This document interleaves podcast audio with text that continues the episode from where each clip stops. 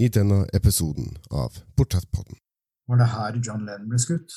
On this spot, sa han. Ja. Og så mens vi står der, så kommer det en sort Mercedes rullende opp til inngangen, og så sier jeg nå venter vi litt, eh, Henrik, sa jeg. Og så kommer Yoko Ono ut av bygningen, og da traff vi henne på flekken der John Lennon ble skutt 8.12.1980.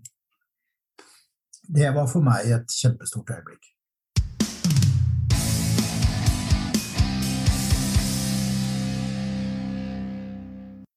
Du hører på Portrettpodden, en podkast hvor jeg intervjuer mennesker som inspirerer meg, som får meg til å tenke, og som hjelper meg å forstå mer av verden jeg lever i. Mitt navn er Mats Lasse Jangås, og sammen med min gjest, selveste kongen på havet, Terje Formoe, skal vi være stemmene i hodet ditt den nærmeste timen.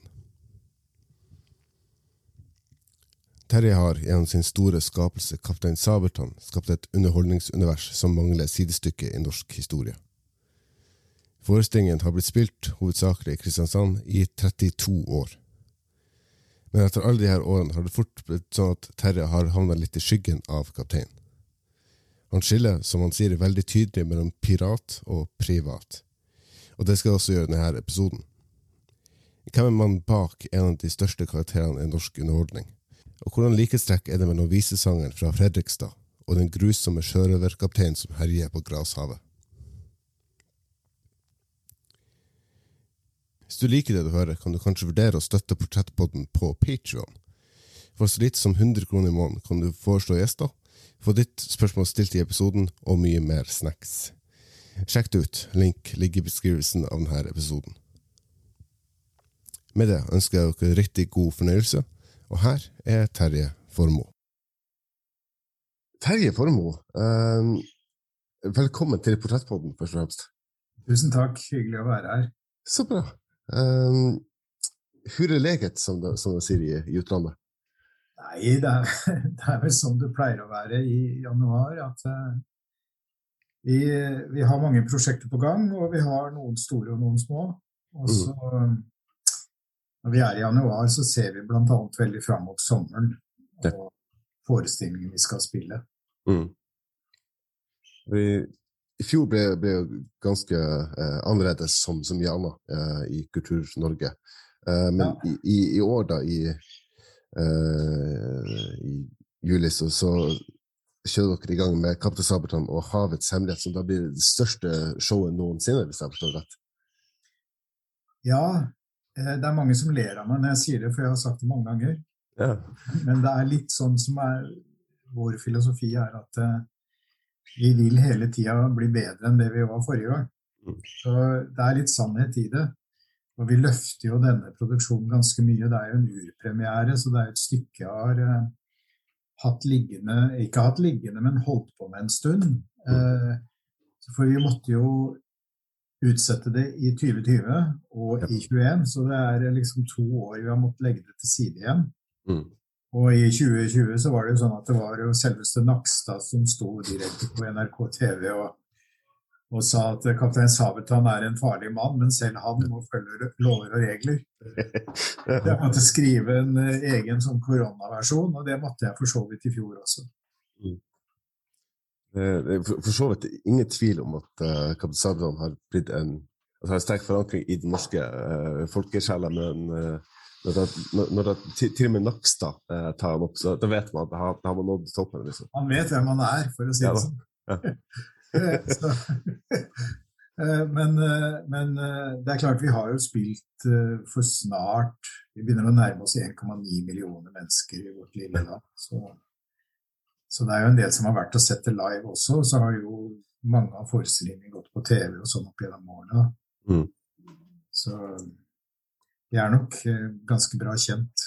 Ja. Jeg var så heldig å, å se uh, en, det var den, den andre forestillinga uh, i 97. Ja. Uh, det, altså det, det, minnet har jeg fortsatt det er veldig mange ting fra barndommen jeg har glemt, men akkurat den forestillinga sitter prenta. 1997, det var 'Kaptein Sabeltann og jakten på den magiske diamant'. Ja. Andre året. Ja. Da var den helt flunka ny, men jeg må, jeg må eh, legge til at eh, siden 1997 så har det skjedd eh, veldig mye utvikling. Oh. Siden vi liksom hele tiden har som utgangspunkt at vi skal bli bedre og bedre. Mm. Det er klart så mange år, altså 25 år da snart, så, så har det skjedd en del. Selvfølgelig kommer jeg nærmere inn på, på, på, starten og den reisa og det, det uh, universet du, du, har, du, har, skapt. Uh, men uh, vi går gå litt, litt, mer inn på, på Terje, for du skiller jo veldig mellom, mellom pri, privat og pirat, har jeg hørt. Ja, jeg gjør det. Ja. det, det, er ikke alle som gjør det når de snakker med meg, men, ja. men jeg må gjøre det personlig. Det, det er to forskjellige personligheter, for å si det sånn. Han ene har jeg skapt, han andre bare er jeg. ja. det er da eh, oppvokst i, i, Fredrikstad? Ja. Eh, bodde der til jeg var 19 eh, år. Mm. Og eh, da flytta jeg til Kristiansand fordi jeg såkalt skulle prøve å skaffe meg en fornuftig utdannelse. ja. Eh, jeg hadde vel egentlig lyst til å gjøre noe helt annet. Mm. Jeg hadde veldig lyst til, helt fra jeg var guttunge, til å bli tegner, illustratør. Jeg drev også med maling. Mm. Oljemaling. Fikk mitt første staffeli da jeg var tolv år. og holdt på med det, men eh, foreldrene mine var veldig klare på at du kan ikke leve av det. vet du. Det som skjedde, var jo at broren min, som er tre år yngre enn meg, han, eh, han ble billedkunstner. Ja. Ja, kanskje jeg bante litt vei. ja. Det var kanskje det, det foreldrene mente. Altså, du, du, kan ikke leve av det, men, men broren din derimot, det går fint. Ja, han gjorde hva han ville. Han, han var mye sterkere enn meg. Kanskje de var blitt litt mildere i tonen ja. etter hvert som årene gikk. Jo. Uh, en, en, en uh, ung gutt i, i Fredrikstad som, som, som, drømmer om å bli, bli tegner, uh, illustratør, som, som uh, får seg første staffeli og, og maling. Så hvor, hvor, hvor, hvor ligger da horisonten som drømmemessig? Så er det, er det å bli profesjonell kunstner da, som, som, står øverst i Ja, eller illustratør, eller illustrere bøker og sånne ting. Jeg leste jo alle disse de der såkalte bøkene som i den tida ble kalt for guttebøker. Ja. Harry-gutten og alle, alt det som jeg senere har skjønt er ganske dårlig litteratur. Men jeg leste alle de fra perm til perm, og når jeg var ferdig med de, så leste jeg jentebøkene til søstera mi. Mm. Susi-bøkene og de der. Mm. Og, og, mange av de bøkene hadde jo illustrasjoner. Og i Fredrikstad så var det en tegner som het Sten Nilsen, Mm. Han nevnte å tegne og illustrere, så han illustrerte forsiden på ukebladene og sånn, men han, han, skrev også egne bøker og lagde sanger om Birre Bever og en del andre karakterer. Okay. Og han hadde kontor eh, rett ved skolen der jeg gikk.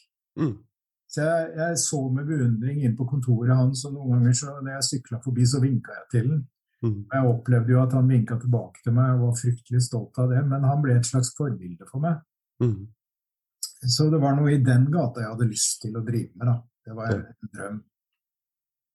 Nå jobber jeg jo mye med illustratører, da. Jo da. Og, og, har vel en fordel av at jeg kan for det første Jeg har veldig sterke meninger om hva jeg syns er bra tegninger. Mm. Eh, og, og, samtidig så bruker jeg også det jeg kan om tegning til å skisse, f.eks. Når jeg skal skrive teaterstykke, sånn, så kan jeg først tegne opp scenen sånn som jeg ser den for meg. Mm. Og det er veldig ålreit å visualisere den scenen jeg skal skrive til. på en måte. Ja. Og kommer han ut derfra ved fyrtårnet, og mm. hun går inn i kroa der, og, og så videre. Ja.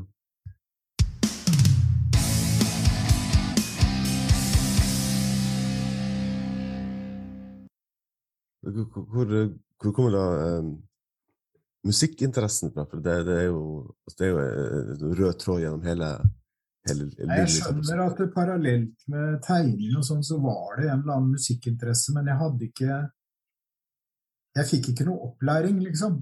Så, så, men jeg, jeg, vi hadde en sånn gammel gitar hjemme, og vi hadde et lite trøorgel. Mm. Og faren min hadde en uh, gammel mandolin som han visstnok hadde spilt på en gang i tida. Eh, så ofte så tok jeg de instrumentene og bare satte meg og lot som jeg kunne spille, og syntes det var Mm. veldig gøy. Men eh, det var først eh, når jeg kom sånn opp i sånn 16-17-årsalderen at jeg fant Altså, vi hadde sånn der kurs hjemme hvor du straks skulle begynne å, å lære deg notene og skalaene. Og det, det fungerte ikke for meg, for det ble bare kjedelig. Mm. Men så fant jeg et sånt lite hefte med diagrammer og de første akkordene, altså tre hovedakkordene i hver toneart osv. Og da ble det plutselig matnyttig. For da kunne jeg begynne å lære meg grepa. Og så kunne jeg jo lese i visebøker og sånn, og plutselig så kunne jeg et par sanger, liksom. Mm. Begynte å spille de for familien og litt sånn. Og da, ut fra det, så vokste det frem. Men det var jo For jeg hadde en, eh, en gammel slektning som eh, var sjømann. Mm. Og han hadde en ganske god gitar med sånn eh, munnspillstativ og sånn, så han sang sånne eh, sjømannsviser som jeg aldri har hørt verken før eller senere, med masse humor og sånn. Og jeg fikk låne hans gitar eh, en gang imellom. Mm. Det var veldig gøy. Men det var først da jeg kom til Kristiansand, begynte på lærerskolen, fikk det første studielånet mitt. Da sykla jeg rett til byen og kjøpte meg en gitar. Ja. En Bjarton nylonstrenger til 500 kroner. Ja. Og sånn begynte det. Ja. Det var altså i, i løpet av den, den studietida at eh, du ble på det eh, Ja, Da var jeg 19 år, da begynte jeg for alvor. Men jeg kunne allerede noen sanger, da. Men da, mm. etter hvert som jeg hadde lært meg fem-seks akkorder, så skrev jeg mine første sanger. Mm. Og, og så fikk jeg så bra respons på det, så det var liksom eh, Det var aller første visa jeg skrev. Jeg hadde en eh, et, eh, et par det, var en, det var en jeg gikk i klasse med på lærerskolen. Eh, og han hadde han gifta seg, og hendte at jeg var litt husvenn hos de. Så fikk de barn. Så den første sangen min den eh, dedikerte jeg til sønnen deres. Eh, Den het eh, eh, 'Vuggevise til en ny verdensborger'. Og sønnen heter jo da Bård Vegard Solhjell. Å ja! Ok. Så jeg, jeg spilte den inn eh, på et loft i Fredrikstad. Det var viseklubben i Fredrikstad som inviterte meg til å komme og spille inn den. Det var en båndopptaker på et loft og en, en mikrofon, og spilte rett inn alt sammen. Mm. Og da står det faktisk på det coveret jeg har, et eksemplar av den gamle plata der. Der står det 'Til Bård Vegard'.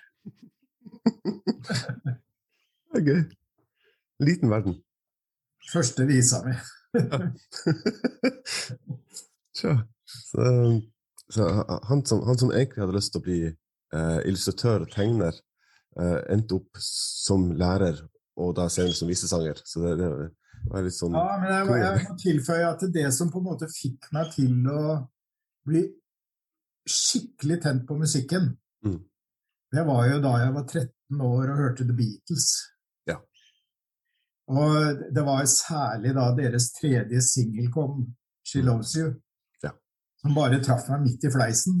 Og plutselig så hadde alt jeg har hørt om musikk og Jeg hadde selvfølgelig hørt på det som gjaldt den gangen, og sånn, men det var ingenting som fenga meg sånn vanvittig. Og så plutselig kom The Beatles, og da, da ble jeg med på den reisa i sju år.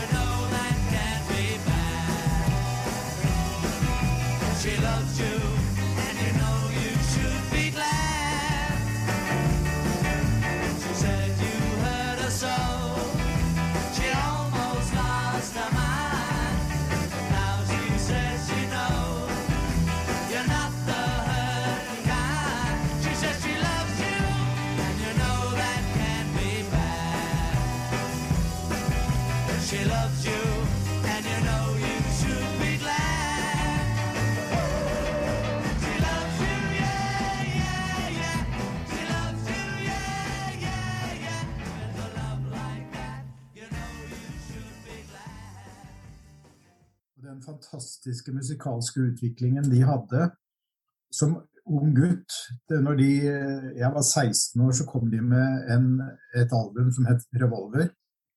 Og som var et van- kvantesprang når det gjaldt kvalitet. Mhm. Eh, og som 16-åring så skjønte jeg det ikke med en gang. Altså, jeg, men det var Beatles, det var, de jeg, det var de jeg likte, og jeg hørte på den plata 10-20 ganger, så kom det. ikke sant? Og jeg Mhm. tenker i dag at eh, det hadde veldig mye med musikalsk utvikling å gjøre, å, å følge The Beatles i den tida der. Andre, eh, som har gjo- gjort uh, research til denne uh, samtalen, så har jeg også blant annet hørt at, at eh, Paul Simon har vært en stor inspirasjonskilde. Ja, det er helt klart. Mm. Eh, Jeg har hatt flere, men jeg er blodfan av Beatles den dag i dag, og som, som komponister og låtskrivere og sånt. Men, men Paul Simon er jo en sånn fyr som en av de jeg har fulgt tett gjennom alle årene. Mhm. Jeg husker så veldig tydelig da han kom med 'Bridge of the Troubled Water'. Og, Ja. uh, det, det var kjempe Den er jo fantastisk den dag i dag, og han er fulgt, Og jeg var faktisk på hans eh, konsert, eh, siste konsert, på hans siste turné i, i Spektrum. Det var jo selvfølgelig en stor opplevelse. Det var mange andre, og Bob Dylan, Leonard Cohen det er, det er et hav av folk. og Du har liksom en basis i bunnen, og så kommer det jo en stadig ny musikk som vekker interesser. da. Fordi musikk betyr mye. Så er det noen konkrete eh, ting du fra Paul Simon eller Beatles som du har brakt inn i ditt, ditt eget eh, virke som musiker? Nei, man blir bare, man blir bare inspirert, altså. Veldig. Og, og det, det, er, det gir livet mye å ha musikken der, føler jeg. Eh, Så det er, det er veldig viktig for meg. Mm. Og blant annet eh, liksom da eh, For en, noen og 40 år siden så møtte jeg Rolf Løvland for første gang. Ja. Eh, eh, her i Kristiansand. Og han, han var liksom frilansjournalist. Han studerte egentlig, men han skrev litt for Federlandsvennen. Mm. Så han anmeldte meg litt og sånn. Han pleier alltid å si at eh, han slakta meg, men det, det stemmer ikke. Så en dag skal jeg finne fram den første anmeldelsen. Mm. Men eh, jeg, møtte han plutselig og kom i prat med han etter jeg hadde vært, hatt en, spilt et sted. Mhm. Så husker jeg at uh, han nevnte en låt som traff meg, og det er noe jeg husker så mange år etterpå. At vi fant noe musikalsk hos hverandre som vi begge var interessert i, og det var Paul Simon. Ja. Og det var da Paul Simon hadde gitt ut uh, Ryman Simon. Mm. Og det er den låten som heter uh, Å, nei, nå står det helt stille. Men det var jo, det var jo Quincy Jones som produserte den. Mm. Og Rolf nevnte, nevnte noe, eh, en låt der som liksom hans ideal innenfor uh, arrangering og sånt. da. Mm. Og Rolf var jo bare en eh, Han er yngre enn meg, han var, han var jo bare en ung gutt som Men jeg husker at han var, hadde masse selvtillit på det musikalske. Mm. Og sa at en dag så skal jeg kunne gjøre ting like bra som hvem som helst, eller noe i den duren. Så det slo meg at han hadde veldig mye selvtillit. Eh, samtidig som han er jo en veldig beskjeden kar. Han har ikke Mm. noe stort uttrykk. Han er litt sånn stillferdig. Men han har jo sannelig vist eh, hva han kan. Å ja. Det, altså, vi har, har da um, uh, lærerskolen og, og takk for at du da kom til Kristiansand. Vi har da del, delvis din, din datter, og delvis også uh, sjimpansen Julius, og takk for at du helt tatt kom inn i Dyreparken. Ja, ikke, ikke så veldig mye min datter, men, men eh, det var det at jeg Jeg, eh, jeg, jeg, hadde, jeg jobba jo som lærer. Mm. Og så var det sånn at jeg kunne ikke være klasseforstander, følte jeg, fordi at jeg hadde lyst til å reise på turné to ganger i året. Mm. Og det fikk jeg lov til, særlig ettersom jeg var timelærer. Mm. Og jeg reiste på Vestlandet, jeg reiste i Nord-Norge, jeg var i Finnmark, og jeg var overalt. Og i, i, i vintermørket. Både sammen med en eh, kompis. Eh, Vi hadde et par hundre konserter for Rikskonsertene. Mm. Og, men jeg har også opplevd å reise alene i februar eh, oppe i Finnmark med en svær ryggsekk, en gitar som er sprukken den dag i dag pga. kulda. Ja. Eh, men alt, alt det der Jeg hadde ei lita datter, Mm. og jeg kom hjem, så hadde hun lært seg nye ting. Mm. Og det ble litt sånn sårt at jeg var borte en måned, liksom. Ja. Så jeg tenkte at jeg må skaffe meg en samarbeidspartner, så jeg slipper å reise hele tiden. Mm. Og da, det var da jeg gikk på kino og så det berømte lysbildet av Julius, og så tenkte jeg ringer Dyreparken. Ja. Og den dagen jeg dro ut og møtte direktøren der og sa om det var noe jeg kunne gjøre, så sa han ja, du kan jo skrive en sang om Julius. Mm. Og det gjorde jeg. Ja. Samme ettermiddag etter middag. Så ringte jeg han og sa at nå er han ferdig. Jeg trenger ikke høre den, sånn. Hvor mye skal du ha for å spille den inn? Og jeg, jeg sjekka nå nylig at i 2021, så det er jo 38 år siden, så i 2021 så ble den låten streama 630 000 ganger. Det, det, det er ikke bare bare det, altså. Nei, det er mye for en låt som, som eh, Det er nesten ingen som husker hvem som har lagd den engang, for det, men det er blitt en slags, slags folkesang. Ja.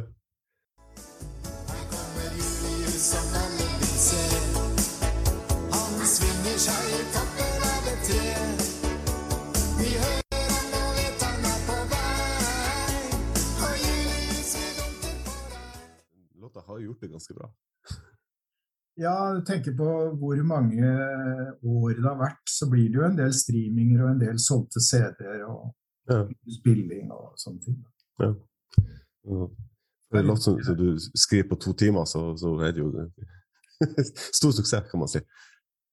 Ja, det var veldig enkelt å skrive den, egentlig. Den kom Mm. liksom bare sporenstreks. Men det er jo sånn det ofte er, da. Det er, eh, hvis du er i flyten, så, så er det nesten bedre å bare la det komme som kommer. Mm. Og det skjedde i hvert fall da. Ja. ja det, um, jeg hvis vi går, går, hopper, hopper litt til, tilbake til uh, han eh, gutten i, i, i Fredrikstad. Altså, hvor, hvor, kommer, uh, hvor kommer kjærligheten til, til havet fra? Altså, Fredrikstad er jo en elveby. Ja. Det er veldig mye det. Eh, eh, veldig mye elv der, fordi det er liksom to løp, og den ene går i en sving inn i byen og alt mulig. Så, og så ligger den jo helt ved kysten. Ja. Så vi var jo mye ute. Altså i barndommen så Det var rart den tida der. altså Foreldrene visste nesten ikke hvor vi var hen engang. Vi sykla av gårde tidlig på morgenen og sykla en mil ut mot kysten til en eller annen badestrand. Mm. Med Tarzan-badebuksa og, og skolebrød og en cola i, i, i eska. Og så var vi der hele dagen og kom hjem, og ingen hadde spurt etter oss. Så vi hadde bada åtte ganger og Mhm. vært helt alene. Men eh, sånn var det den gangen. Jeg ble veldig glad i sjøen. Og så var faren min Han hadde en bitte liten båt på 14 fot med en 4,5 hesters eh, påhengsmotor. Han var veldig glad i å fiske. Så han dro veldig ofte ut på natta og fiska og kom hjem på morgenen, og så sto han og stekte den fisken han hadde fått på morgenen og Mhm. til middag og alt mulig. Så noen ganger så fikk vi jo lov å være med, da. Mhm. Jeg følte at sjøen og havet var en viktig del av det, men uh, den kom først uh, tilbake igjen når jeg for i, Det var vel rundt eh, 19, ja, i 1999 så fikk jeg tilbud om en båtplass. Mm. Det kan være litt vanskelig å få tak i i Kristiansand, så jeg fikk en båtplass. Kjøpte en båtplass. Og da var det veldig naturlig eh, med kjæresten min, som jeg hadde truffet eh, for kort tid siden, og sånn, at vi to til sammen vi kjøpte båt og begynte å utforske det livet. da. Mm. Vi har vel begge blitt litt bitt av den basillen. Så, særlig jeg, da. Mm. Og så har, er det jo det der med trefot og tofotsyk og sånn. Ja. Men jeg fikk plutselig en mye alvorligere grad av den, så jeg har, eh, jeg har en båt nå, så jeg kan reise rundt langs hele kysten og bo i den i ukevis om jeg vil. Det må, må jo føre med seg en helt, altså, helt unik frihetsfølelse. For du kan liksom la hele eh, verden eh, skure forbi spill. Ja, altså jeg, jeg har vært et par år nå uten båt, og så fikk jeg, fikk jeg båt i fjor igjen. Endelig.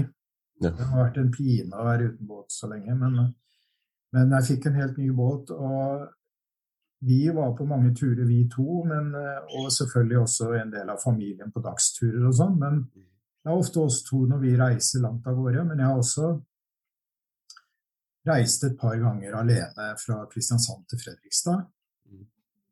Mm. Og da liksom å stå opp tidlig på morgenen og kjøre ut fra havna kanskje klokka åtte eller noe sånt. Mm.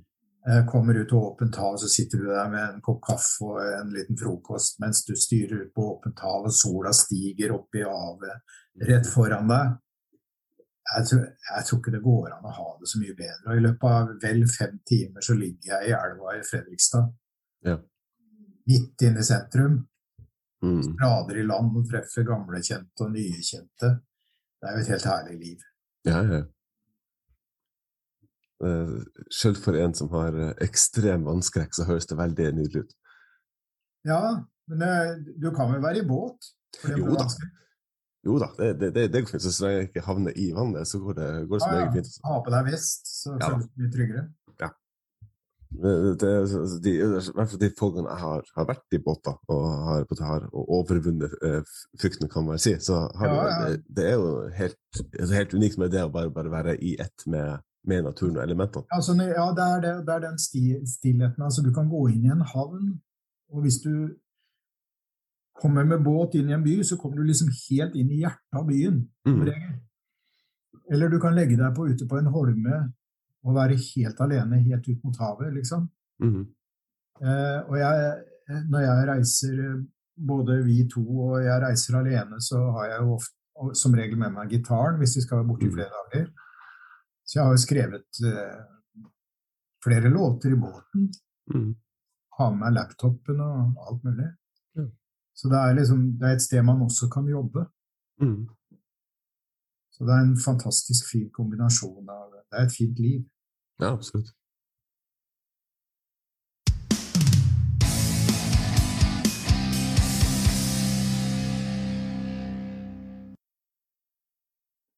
Når jeg først eh, tok eh, kontakt med deg om, om, om, om at du kunne, kunne være med her, så, så var du på tur inn i, inn i studio igjen. Ja. Jeg har vært der Eh. i dag òg, faktisk. Ja, ok, ja. Så det, det blir da en ny plate om ikke så lenge, kan man vel anta. Ja, det, det, det, det, eh, det gjør det. Mm. Jeg har, lyst, jeg har hatt lyst til å gjøre et litt sånn spesielt prosjekt. Eh, Jeg har jo opp gjennom eh, årene jobbet med flere produsenter og teknikere og studioer. Mm. Så akkurat nå så tror jeg med det prosjektet jeg holder på med nå, så skal jeg inn i fem forskjellige studioer. Oi. Altså gi noen låter til den produsenten som jeg jobba med i 2010. Han som jeg jobba med på min første plate for lenge, lenge siden. Mhm. Eh, og folk som er ganske nye. Så akkurat nå så, så har jeg eh, spilt inn en låt som jeg for så vidt har hatt tidligere, men som jeg ikke har vært fornøyd med. Jeg er veldig glad i låten, men jeg har ikke vært glad i innspillingen. Og så har jeg bestemt meg for at ved å legge ned en tone og gjøre en mye enklere i arrangementet, så blir den mye finere. Mhm. Så jeg har da fått Rolf eh, Løvland eh, å spille piano, og så har jeg fått Pete Knutsen, som jo er en gammel legende, Ja. eh, til å arrangere for strykekvartett og klarinett og fløyte, og spille det inn i Rainbow Ja. i Oslo. Og så har jeg spilt inn vokalen her i et studio som heter Kongshavn Studio eh, ute i skjærgården ved Kristiansand. Veldig fint studio. Så sånt, sånt er jo sånn som krydrer livet og gjør det fantastisk gøy. Da. Ja, ja. Det, det høres ut som et veldig spennende prosjekt, uten at jeg skal grave altfor mye i det, selvfølgelig. Nei, det skal, bli, det skal bli et album av det. Mm. sånn Terje-album. Ja. Og så har jeg en annen idé som jeg driver og jobber med. En slags sånn eh, teaterkonsert hvor jeg kombinerer det En del av de sangene jeg er veldig glad i, eh, med et tema. Og fremfører det både som et teatral forestilling og en konsert. Ja. Så det er litt lenger fram i tida, men jeg driver og jobber med det. Og så har jeg veldig lyst til snart å lage en Kaptein Sabeltann-plate til, for vi trenger stadig nye sanger. Ja. Så, så det er nok å gjøre. Ja, det er absolutt. Trenger sier du. Altså, Du har jo skrevet, hvis jeg ikke tar helt feil, så bortimot 80 låter til Kaptein Sabeltann nå. Ja, 70-80. Ja. Så, men det er det som er på en måte fordelen f.eks. i Dyreparken, hvor de satser så mye på det. Mm. Så Torbjørn Egner har jo liksom skrevet de låtene til Kardemommeby, f.eks. Så det er jo de låtene som de må bruke. Mens jeg, jeg har skrevet fire 90-minutters stykker til Mhm. Kaptein Sabeltann. Og har så mange sanger, så kan vi blant annet så vi, Alt det som skjer på dagtid, så bruker vi noen sanger. Mm. Vi bruker aldri de sangene på dagtid som vi bruker på kveldstid. Nei. For det at når folk kommer på den forestillingen, skal de oppleve det med friske øyne. Mm. Så skriver jeg jo stadig noen nye sanger da, som, som på en måte kommer inn i og sånn. Så det er noe av fordelen, da. Det, Mm. det gir oss en eller annen slags eh, sånn frihet til stadig vekk å endre litt. Ja. Det er vel også en fordel hvis man har så, såpass stort univers da, som du, du har, har skapt opp, opp gjennom årene, at man, man har liksom mange forskjellige ledd av den historien, og de, de låtene kan være- med på å underbygge de, de forskjellige Ja. Ja. temaene. Ja. Det er mange forskjellige typer låter, òg. det liksom Mm. Jeg mener det er veldig stort sprang fra det Pelle og Pysa synger. De synger veldig ofte sånn litt sånn allsangaktige låter. Ja. Til de store skurkene som har sånne svære symfoniske rockenummer og sånn. ikke sant? Mm. Det er veldig stort sprang, og innimellom der, og kapteinen er veldig ofte litt rockete. Mm. Den siste, en av de siste låtene jeg var, jeg skrev til den, var var jo en låt som heter 'Jeg kommer nå', hvor som er rett og slett litt heavy metal. Kult. Det, er, jo- det er ganske spesielt da midt på natta når han kommer og står på skuta, og det dundrer og braker, og det er røyk og spetakkel. Mm. Så står han og synger heavy metal med en vanvittig sugende gitarsolo av eh, Bernt Rune Stray. Så eh, det er jo sånne ting som er vanvittig gøy å holde på med. Ja, ja.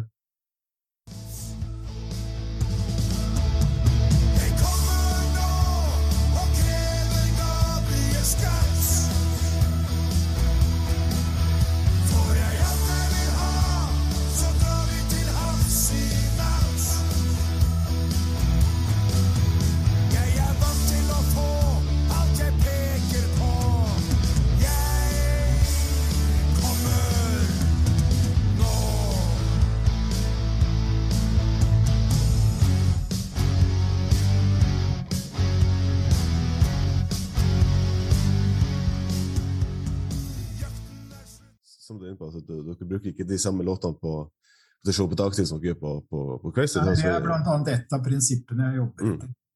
Ja. Eh, det gir jo selvfølgelig eh, Mennesker vil jo gjerne at publikum skal oppleve alt for første gang, men Ja. altså, tenk også at, at altså, eh, selv altså, den effekten med at man, man spiller på, på kveldstid altså det, Så grusom Gabriel er skummel.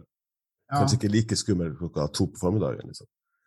Nei, det hadde tatt bort veldig mye. Altså, det, det, det, var, det var helt tidlig i historien vår, Mm. så måtte jeg jo spille på dagtid. Ja. For jeg hadde jo problemer med å liksom få, få folk til å være med på det jeg holdt på med. Eh, men eh, så hadde vi jo en prøveforestilling allerede i 1991 med, Mm. med litt protester fra Dyreparken, men eh, jeg fikk lov. Ja.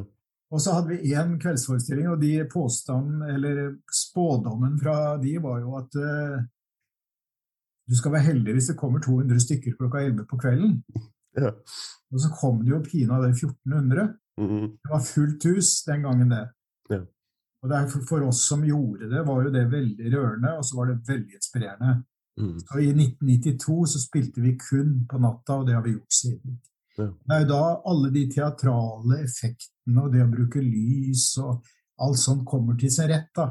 Mm. Det med skuter og Så nå er det jo sånn at eh, forestillingene er så svære at jeg tror i neste oppsetning så er det vel bortimot 50 stykker med i staben. Ja. Og, og det spilles Altså sceneområdet vårt er, det er bak amfiet, og det er over på hodet på folk, og det er til, langt ut på begge sider. Og du kan se helt ut, så langt du kan se ut på sjøen der. Utenfor kanalen, selv der står det lys og, og, og effekting. Så det er et svært område. Mm. Det er nesten merkelig passende i en historisk kontekst at det var nettopp Kristiansand som ble åstedet for det som skulle bli et enormt underholdningsunivers om en grisk og skummel sjørøverkaptein. For går man noen hundre år tilbake, under napoleonskrigene, skapte omstendighetene behov for et helt nytt felt i marin krigsføring, nemlig kapervirksomhet. Kaperfart, kaperi eller kaperkrig er sjørøveri med myndighetenes godkjennelse, drevet av privatpersoner for egen regning som et virkemiddel i krigføring til sjøs. Målet for kaperfarten var å ta kontroll over fiendens handelsskip og føre dem og deres last til egen havn som såkalt prise. I Norge ble hele 322 båter utrusta til kaperfart, og rundt 70 av dem ble utrusta fra Kristiansand. Så i overført betydning fører Terje, vitende eller uvitende, videre en tradisjon som går hundrevis av år tilbake. Den, den avgjørelsen om, om å kjøre på, på altså kjøre for- på, på kvelden, er jo, er jo blitt synonymt med sabeltann, men det, altså, var det noe i begynnelsen, og før, før det hadde mm, fått bevist at det funka, så var det noe angst for at det her kan gå på trynet? Ikke, ikke fra min side. Ja, vi, skuespillerne og jeg hadde bare lyst til å gjøre det. Mm. Men fra Dyreparkens side så var det nok det. Vi trodde ikke noe på det. Eh, Da jeg hadde spilt den ene forestillingen i 1991, og, og så jeg var jo markedssjef og underholdningssjef, Mm. Så det var jeg som lagde brosjyrer og alt sånt, ikke sant? eller hadde ansvaret for det. Så jeg sa jo til Dyreparken at i 1992 så har jeg lyst til å spille 14 nattforestillinger. Mm. Og det sa de, det får du ikke lov til. Og så maste jeg veldig, så til slutt så sa de ok, prøv en uke, da. Mm. Men den dagen før årets brosjyre skulle gå i trykken, så sa jeg nå er det siste frist. Kan jeg få to uker? Mm. Jeg har trua på dette her. Og så, gi, så dagen før den gikk For jeg måtte jo skrive det i brosjyren eventuelt. Ja, ja.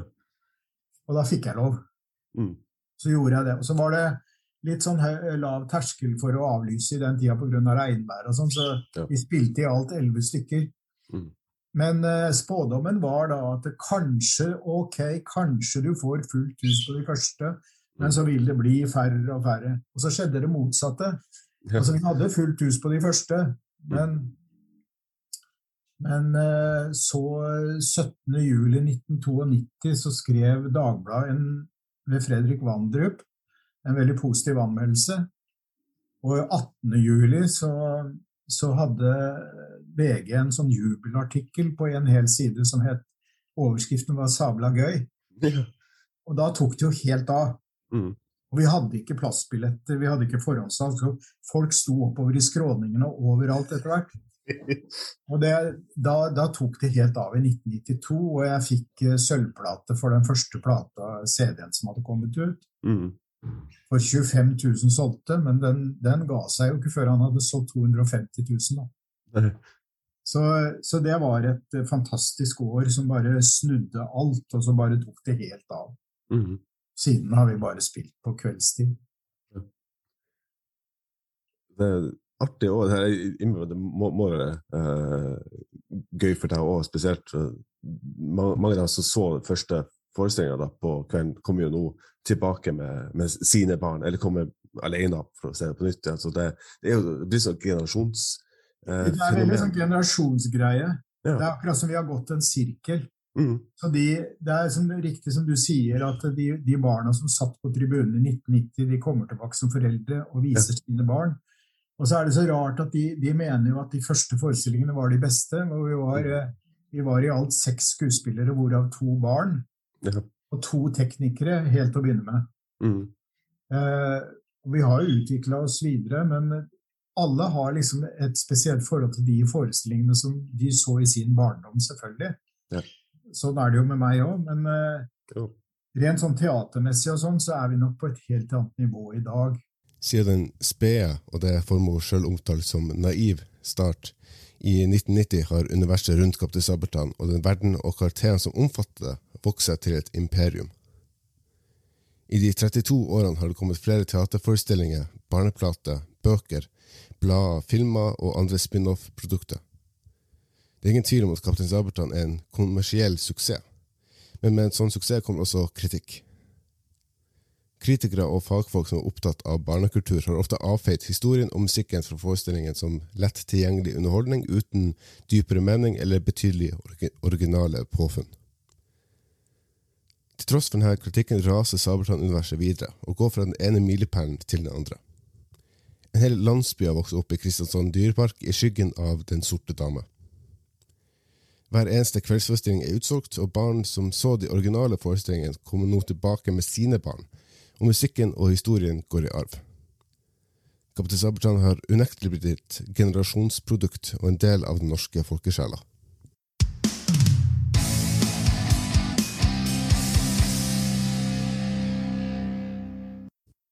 Så det å ha 2600 på tribunen hver natt, Mm. det er ganske stort. Ja, for det, det er jo så altså, i, i, I begynnelsen, når- du skriver første forestilling, så hadde, du aldri skrevet for eh, teater før. Jeg hadde skrevet en forestilling eh, eh, som aldri ble satt opp Mm. noen år tidligere. Det var en, eh, en komponist, eh, litt sånn seriøs komponist, som jeg hadde litt kjennskap til fra før, som ringte meg og sa du, skal vi skrive et teaterstykke sammen? Da skriver jeg musikken, så skriver du manus. Ja vel, hva skal det dreie seg om? Jo, det skal dreie seg om Oscar Wilde. Ja vel! Så jeg måtte sette meg ned og lese alle bøkene, alle teaterstykkene hans. Oi, oi. Og så skrev jeg et stykke som het eh, eh, Oscar, Mm. med 14 eh, sangtekster. Trygve Madsen, som han het, han skrev melodi til alle de, og gikk på teater. og Vi fikk for så vidt veldig sånn positiv eh, tilbakemelding på selve manus og sånn. Mhm. Men vi eh, fikk ikke satt opp, for de hadde ikke tro på at det kom til å gå noe særlig bra. Altså, de mente at vi heller burde ha skrevet om en norsk forfatter enn en britisk, som folk ikke hadde så mye kjennskap til. Så, men det var en veldig trening, da. Ja, ja, ja, absolutt. Så eh, jeg, jeg lærte hvordan det var å sitte en måned og bare skrive og drikke kaffe. Mm.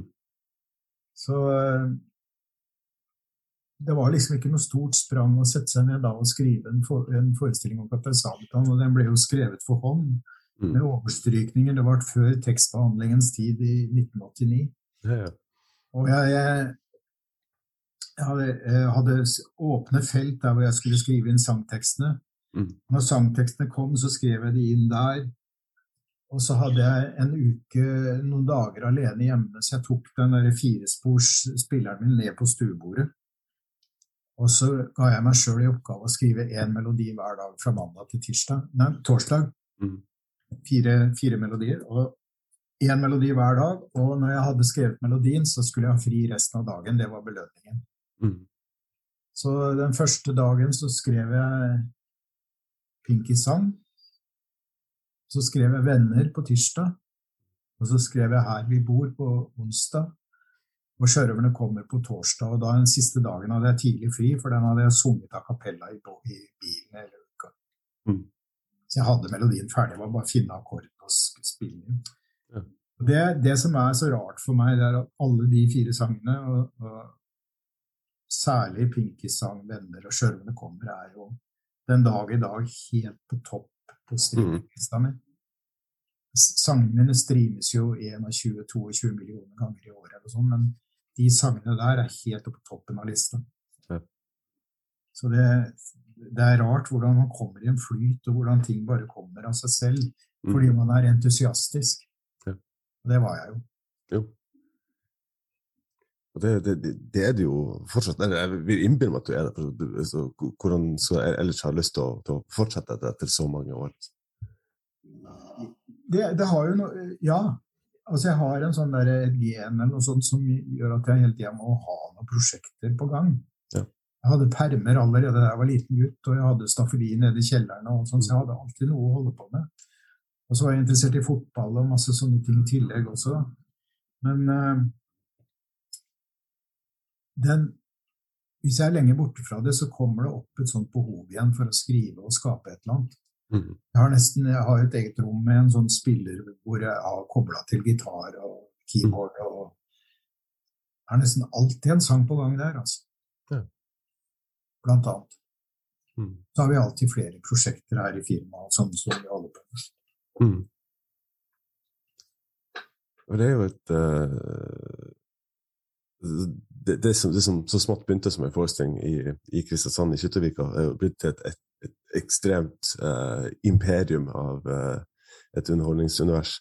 Men eh, så jeg, når jeg da gjør research og tenker over på at den, hele den reisen, så, så tenker jeg også litt på, på Frankenstein, i, aller, i aller beste betydning. Der, for at det, det, din, din skapelse har på, på, det, og overgått at du havner av og til litt i skyggen av, av kapteinen.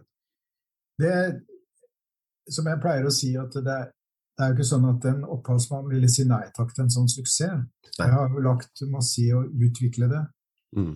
Men samtidig så noen ganger så kommer det jo litt i veien for det jeg opprinnelig begynte med, det å Mm. være meg selv og skrive sanger og sånn. Så jeg har de senere årene så har jeg på en måte bestemt meg for å dyrke mer av det også. Mm. Jeg har vært på litt turneer og spilt litt og alt sånt. Og så er det det der teaterkonsertprosjektet som jeg holder på med, da, som jeg håper kan bli noe Mm. eh, i den retninga. Ja. Så, så det er Han er nok eh, Altså, folk må på en måte skjønne at eh, han er en figur jeg har skapt. Mm. Og da jeg slutta å spille han, så var det som om jeg gikk ut av kroppen hans og lot den få lov å stå på egne bein. Mm. Egne sjøbein, kanskje. Ja. Men, eh, og det Jeg jobber jo for fullt med forestillingen. Jeg skriver hvert ord han sier, og holder på med alt det der. Og så har jeg veldig behov for å gjøre andre ting også. Og være Mm. meg selv. Ja. Både pirat og privat. Ja. Vi vil også innbille meg at altså, når, man, når man blir såpass synonym med noe som er så, så stort i, i ikke bare i Norge, men også, også nå etter hvert uh, i utlandet, har man kanskje behov for å, for å distansere seg litt. Altså, det her er noe jeg har skapt, og her, er det her er meg. Ja, det var jo, det, det var jo fordi at jeg, jeg, jeg var Altså Grunnen til at jeg slutta å spille på scenen Jeg lærte jo veldig mye om teater ved å spille for så mange. da. Ja, ja. lærte timing og masse sånne ting. Men, men uh, grunnen til at jeg slutta, var jo at jeg hadde ambisjoner om å gjøre det mye bedre. Altså, Rent sånn faglig har mye sånn æresfølelse på det. At jeg, jeg, jeg vil at det jeg lager skal bli veldig veldig bra, liksom. Så bra som Mm. mulig. Jobbe med kvalitet, jobbe med fine og flinke mennesker. Og det, det gjør jeg virkelig. Jeg har utrolig mange fine folk rundt meg som, er, som bidrar Mm. som er omtrent like entusiastiske som jeg er. Ja. Så det, det, det, er, det har vært eh, det er, det er veldig viktig for meg å, å jobbe med folk som ikke bare er profesjonelle, men også hyggelige. ja. Det er, for, fordi jobben er så mye av livet. At Mhm. eh, en orker ikke å kaste bort på ting på konflikter og Nei. uenigheter og sånne ting. Men vi, vi drar i samme retning, på en måte. Ja. Det er veldig fint. Ja, ja, altså, konflikt har du jo hatt eh, allerede ja. en gang, så det, det, det holder liksom den ene gangen bra. Ja, så jeg har jo vært oppi flere enn én, men, eh, Mm. men det er nok litt sånn at når du skaper en suksess,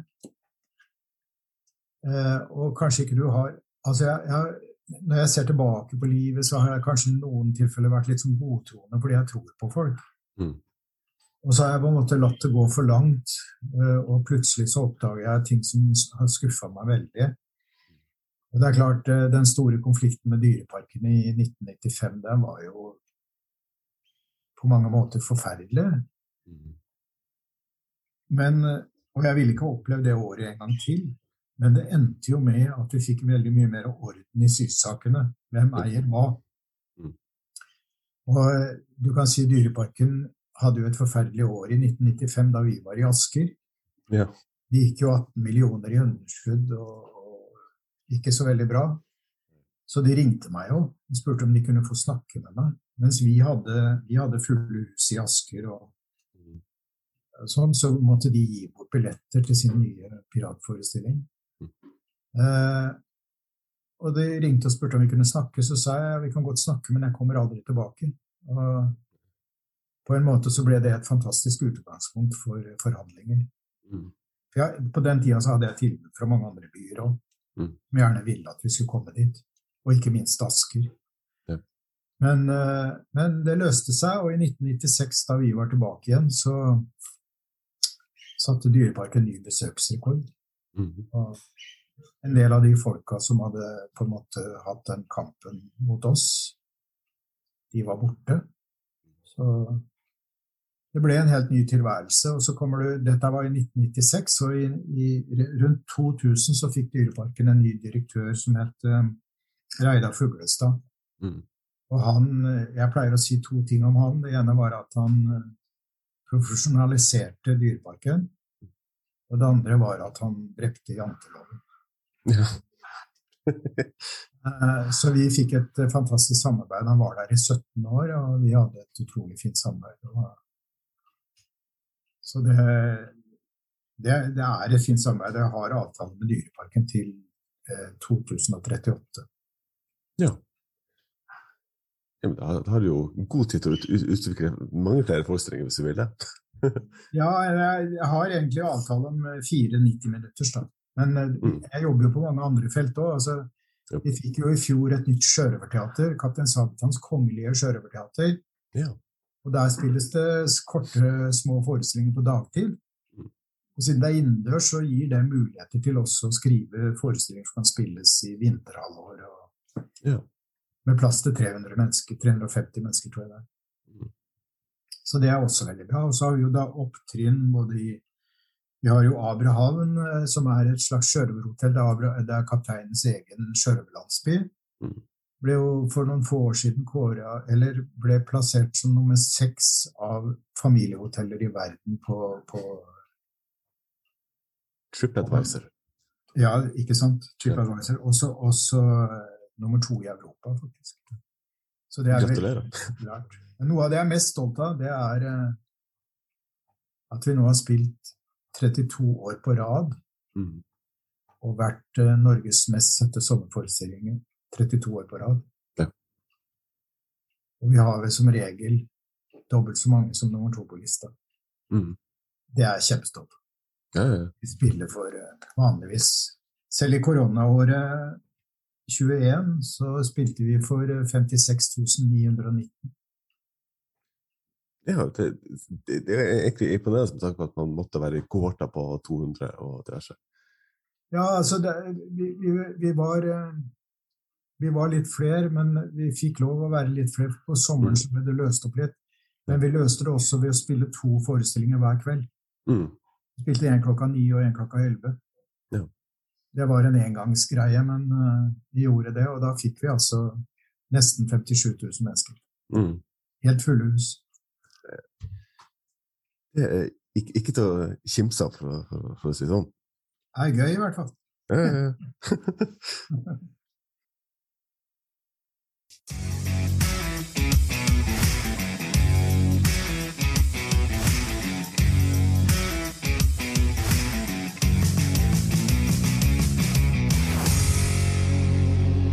Spørsmål fra lytterne. Hvordan, hvordan håper da Terje Formoe at eh, Eller hvordan ser han for seg at, karakterene og det universet han har skapt, da skal leve videre etter at han da eventuelt pensjonerer seg, eller da av en eller annen grunn er ute av den, den kreative kontrollen, da? Ja. For meg så er det jo en livsstil, så jeg holder på så lenge jeg kan. Men eh, Ja. jeg, tror, jeg tror at det, det kommer til å leve videre av seg selv, bl.a. gjennom den avtalen med Dyreparken. Ja. Uh, og jeg har eh, foreløpig lagd ca. 45 bildebøker. Mm. Eh, masse musikk som streames ca. 22 millioner ganger i året per nå, men som er stigende. Eh, og ikke minst filmer. altså Vi har jo lagd en animasjonsfilm som hadde premiere for noen få år siden. Mm. Vi er i gang med å planlegge nummer to. Skal kanskje lage tre.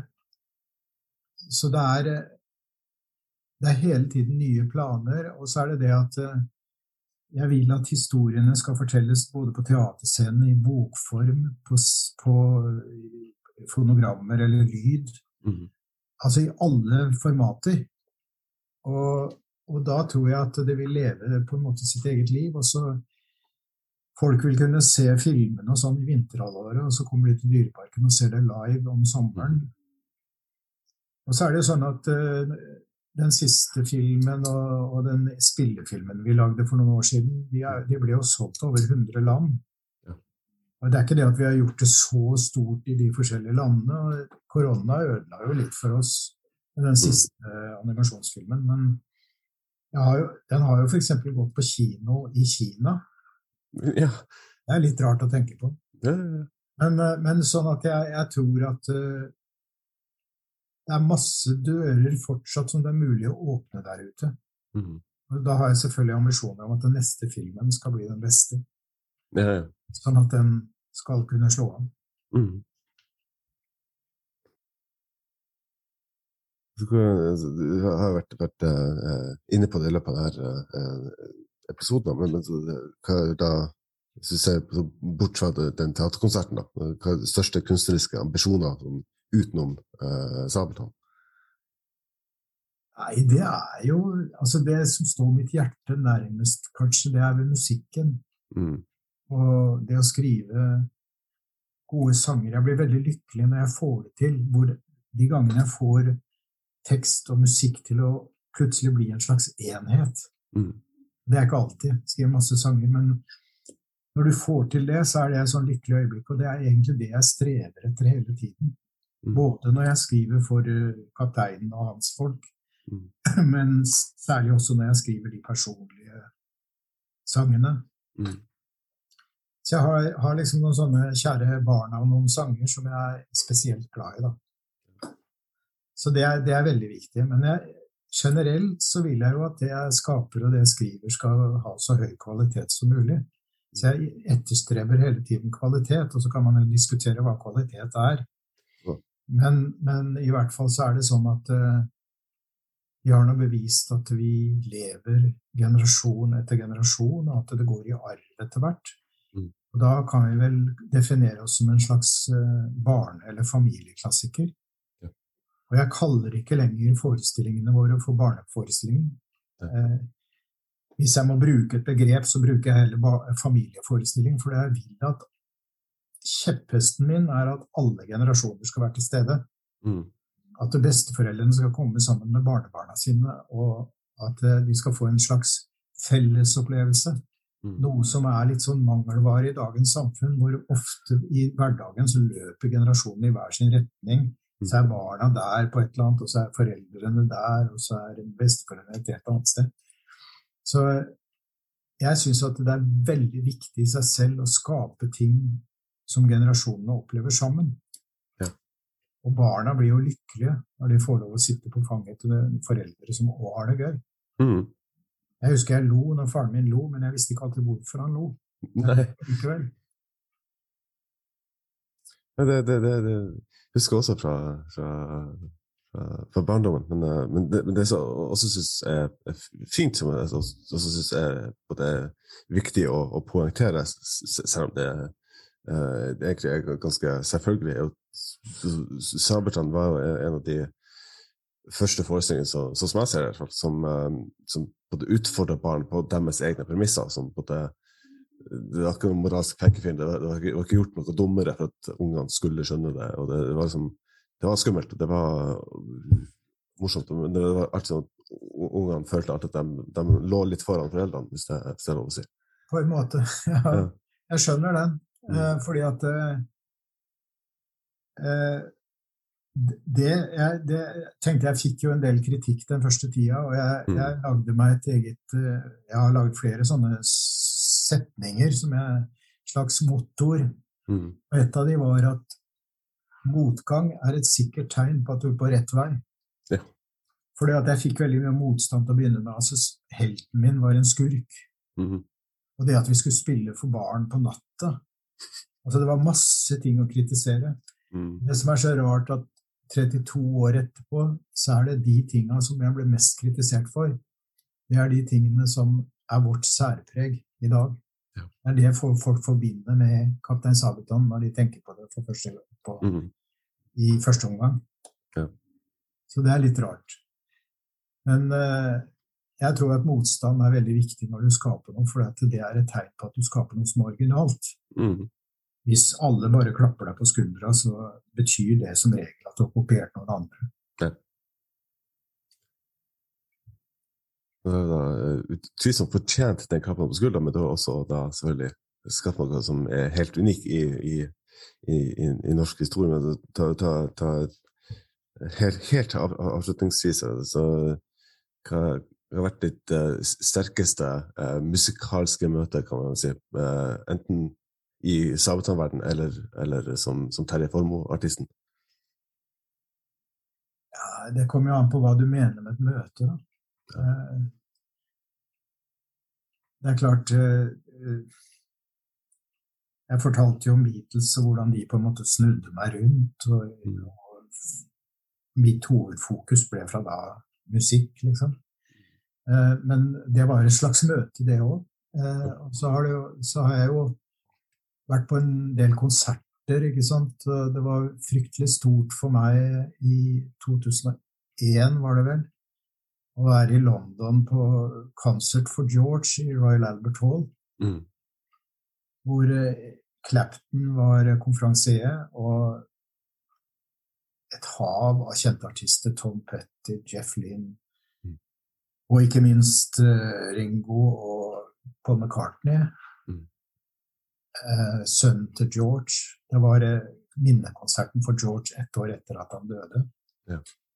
Og, så det var en sterk musikalsk opplevelse, for da, da kom jo på en måte masse av mine inspirasjonskilder opp i revy i løpet av den konserten. Ja. Og, men jeg har hatt mange. Men jeg, jeg vet ikke egentlig Jeg var med Da yngste sønnen min var 14 år, så var vi i New York. Og siste dagen så hadde vi noen timer før vi skulle ut på flyplassen. Så fint vær og sånn, så vi dro opp til Central Park. Mm. Og så sa jeg til sønnen min at vi stopper her, for den, bygningen der heter Dakota-bygningen. Der bodde John Lennon.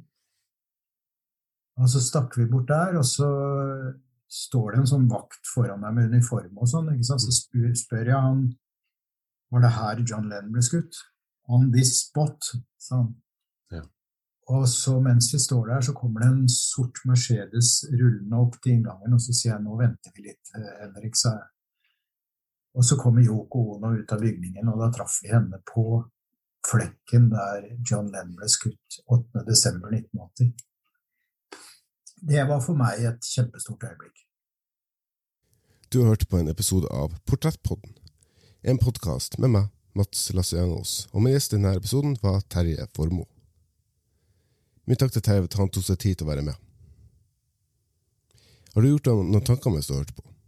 Har du ris eller ros eller tips du ønsker å komme, kan du rette til Portrettpodden sine Facebook-sider eller på e-post til portrettpodden at gmail.com. Alle lysklippene i denne episoden er benytta i henhold til sitatrett. Portrettpodden arbeider i henhold til Vær varsom-plakatens regler for, god presseskikk. Husk at du kan støtte Portrettpodden på Patrion. Takk for at nettopp du hørte på, og vi høres snart igjen.